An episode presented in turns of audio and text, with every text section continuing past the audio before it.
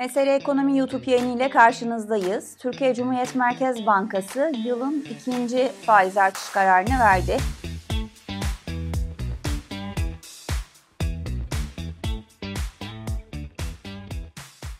Aslında yeni ekonomi yönetiminin ikinci sınavıydı Temmuz ayındaki PPK kararı.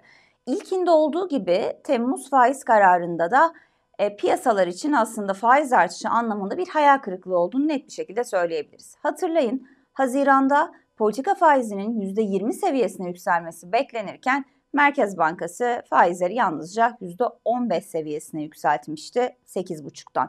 Peki bu toplantıda ne yaptı? Bu toplantıda da aslında piyasa çok agresif bir faiz artışı beklemiyordu. 350 bas puan gibi medyan beklenti vardı. Yani %15 olan politika faizinin %18.5'e yükselmesi bekleniyordu. Ama Türkiye Cumhuriyeti Merkez Bankası 250 bas puanlık artışla piyasa beklentisinin yaklaşık bir tam puan altında faizleri artırarak %15'lik faizi %17.5 seviyesine yükseltti. Şimdi manşet rakam bu ama detaylara bakıldığında bundan sonraki döneme dair bize ne gibi sinyaller veriyor Merkez Bankası ve piyasanın TCMB'ye yüklediği anlam ne? Neler bekliyor? İki tarafı da bugün yayında ele alacağız. Şimdi öncelikle isterseniz e, bu faiz patikasının ne kadar yani faiz artış patikasının ne kadar devam edeceğini, hangi sıklıkla faizlerin artacağını beraber irdeleyelim.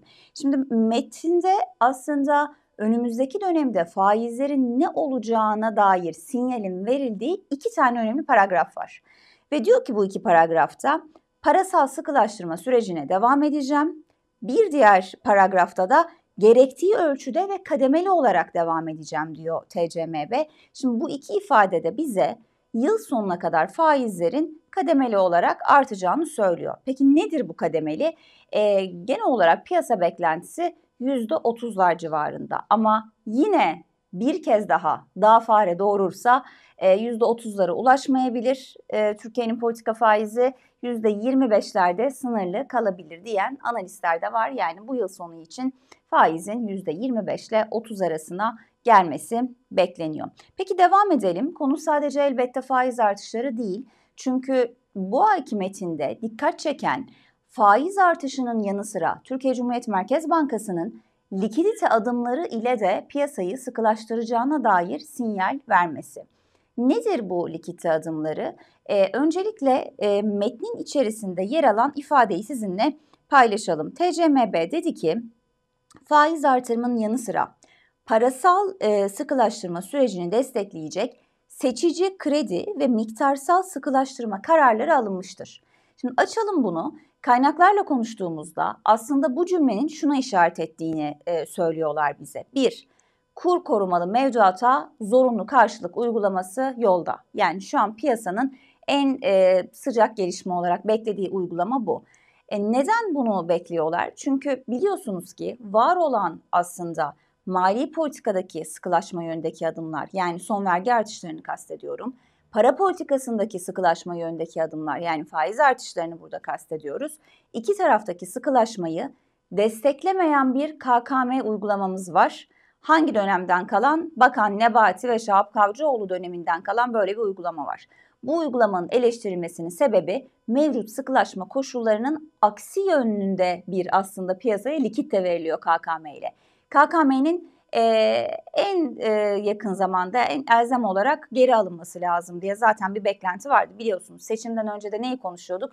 Kur korumalı mevzuatlar kademeli olarak bitecek diye. Şimdi bunu bitiremiyor hemen belli ki mevcut hükümet, mevcut yeni ekonomi yönetimi. İşte bunu bitiremediği için ek adımlarla KKM'nin faizini törpülemeye ve KKM'deki miktarı biraz eritmeye çalışıyor. Bunu nasıl yapabilir? Bankalara kur korumalı mevduat için ZK uygulaması yani zorunlu karşılık uygulaması getirerek. Bunun Türkçe meali de şudur. E, tabii ki şu an detaylara ha, hakim değiliz ama işte bugün, yarın e, belki de biz bu videoyu çekerken detaylar gelecektir. ZK'nın bankaları KKM verme konusunda e, artık e, tam tersi motive edeceği yani KKM'nin verilmemesi yönünde cezai şartlar geleceği e, yönünde bir beklenti var. Bunu aktaralım. Devam edelim. Başka neler bekleniyor? Ne gibi likitte e, adımları atılabilir faiz artışına ek olarak. Miktarsal sıkılaştırma çerçevesinde likitte azaltıcı önlemler denilmiş. E, burada API fonlaması ve diğer fonlama kanallarındaki likitte koşullarının sıkılaşıp sıkılaşmayacağına bakacağız. Bir diğer yandan bazı seçici kredi kalemlerinde talep kısıcı önlemler denilmiş ki zaten tüketici kredilerinde büyümenin devamı çok da istenmiyor. Ticari krediler tarafında da ihracatçı dışında bir kredi büyümesi zaten çok fazla istenmiyor.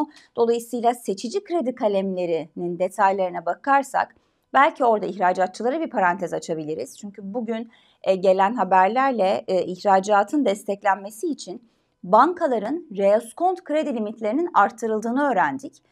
O yüzden Merkez Bankası oraya haklı olarak e, pozitif ayrımcılık yapıyor ki yapmalı da ihracatçılara. Çünkü Türkiye'nin çok büyük bir hala e, rezerv sorunu ve cari açık sorunu var. Ama bunu yani reskont limitlerinin arttırılması uygulamasını dışarıda bırakacak olursak bundan sonra aslında diğer kredi kalemlerinde e, daralma bekleyebiliriz.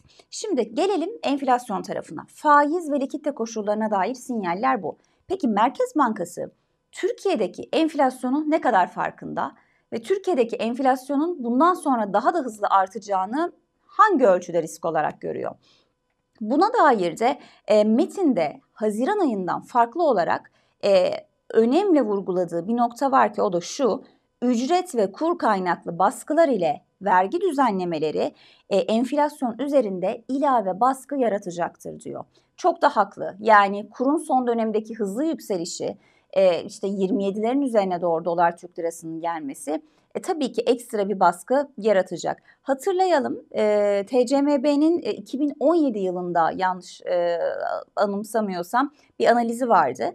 E, bu analizde diyordu ki Türkiye Cumhuriyet Merkez Bankası kurdaki yükselişin enflasyona e, geçişkenliği ile ilgili sepet bazında her %10'luk yükseliş enflasyon üzerinde yaklaşık 2 puana yakın bir etki yaratıyor. Yani Euro TL ve Dolar TL'nin olduğu sepet kurda biz %10 civarında bir yükseliş görürsek yıllık enflasyon üzerinde kabaca 1.7 puanla 2 puan arasında bir e, artışa sebep olabiliyor.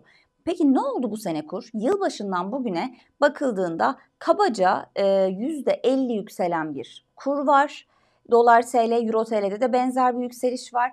O zaman bunun enflasyon üzerindeki etkisinin aslında oradan yaptığımız bir hesapla 7-8 puan yıllık enflasyon üzerinde e, etki yapmasını bekleriz. Hal böyle olunca TCMB'nin e, faiz kararı metninde dikkat çektiği e, ilave özellikle e, gelen vergiler, bir yandan kurun yükselişi, asgari ücretteki artışlar enflasyonu tetikleyecektir dediğinde piyasada işte bu metnin karşılığı olarak bu yıl sonunda enflasyonun %60'a kadar yükselmesini bekliyor ki hatırlayalım bundan e, çok değil sadece birkaç ay önce %40-45 gibi beklentiler vardı yıl sonu enflasyon için. Ve son notta e, cari denge ve rezervlere ilişkin geldi Türkiye Cumhuriyet Merkez Bankası'ndan. E, biliyorsunuz Mehmet Şimşek ve ekibi göreve gelirken ana motivasyonları ve verdiği mesajlar eksi olan rezervleri Şahap Kavcıoğlu döneminde Türkiye'nin e, tarihinde ilk kez bu kadar agresif bir şekilde eksiye geçen rezervlerini artıya geçirmek istiyordu Bakan Şimşek ve ekibi.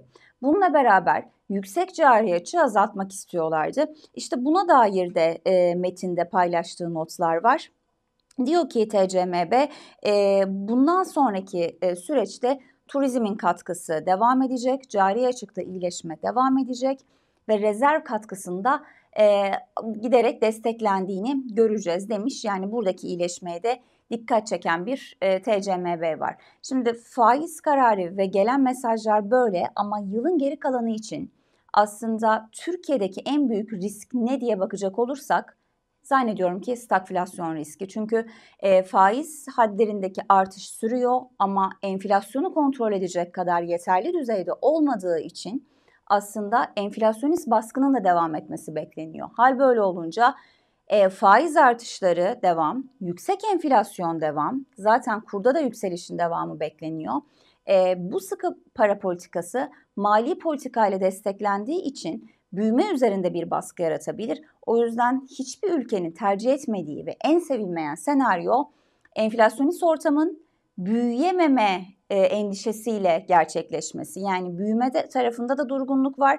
Bir yandan enflasyonu da kontrol altına alamayan bir merkez bankası olabilir. Bu yılın sonuna doğru e, piyasanın da e, zannediyorum ki gözü kulağı orada olacak. Bir de hızlıca bir rapor paylaşalım isterseniz. Bu hafta Bank of America Merrill Lynch'in e, hem faiz hem enflasyon hem de dolar Türk lirasına dair bir analizi vardı.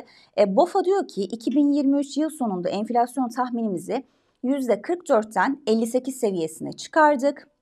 Mayıs ayında enflasyonun %65 seviyesine yükselmesini bekliyoruz. Merkez Bankası'na dair beklentisi de e, özellikle faizlerin yıl sonuna kadar %35'e yükseleceği gibi bir öngörümüz var. Piyasadan biraz daha fazla bir faiz artış beklentileri var ve dolar Türk lirasının içinde Bank of America Merrill Lynch 31 seviyesini bekliyor bu yıl sonu için. Onu da iletmiş olalım. Bizi izlediğiniz için teşekkürler.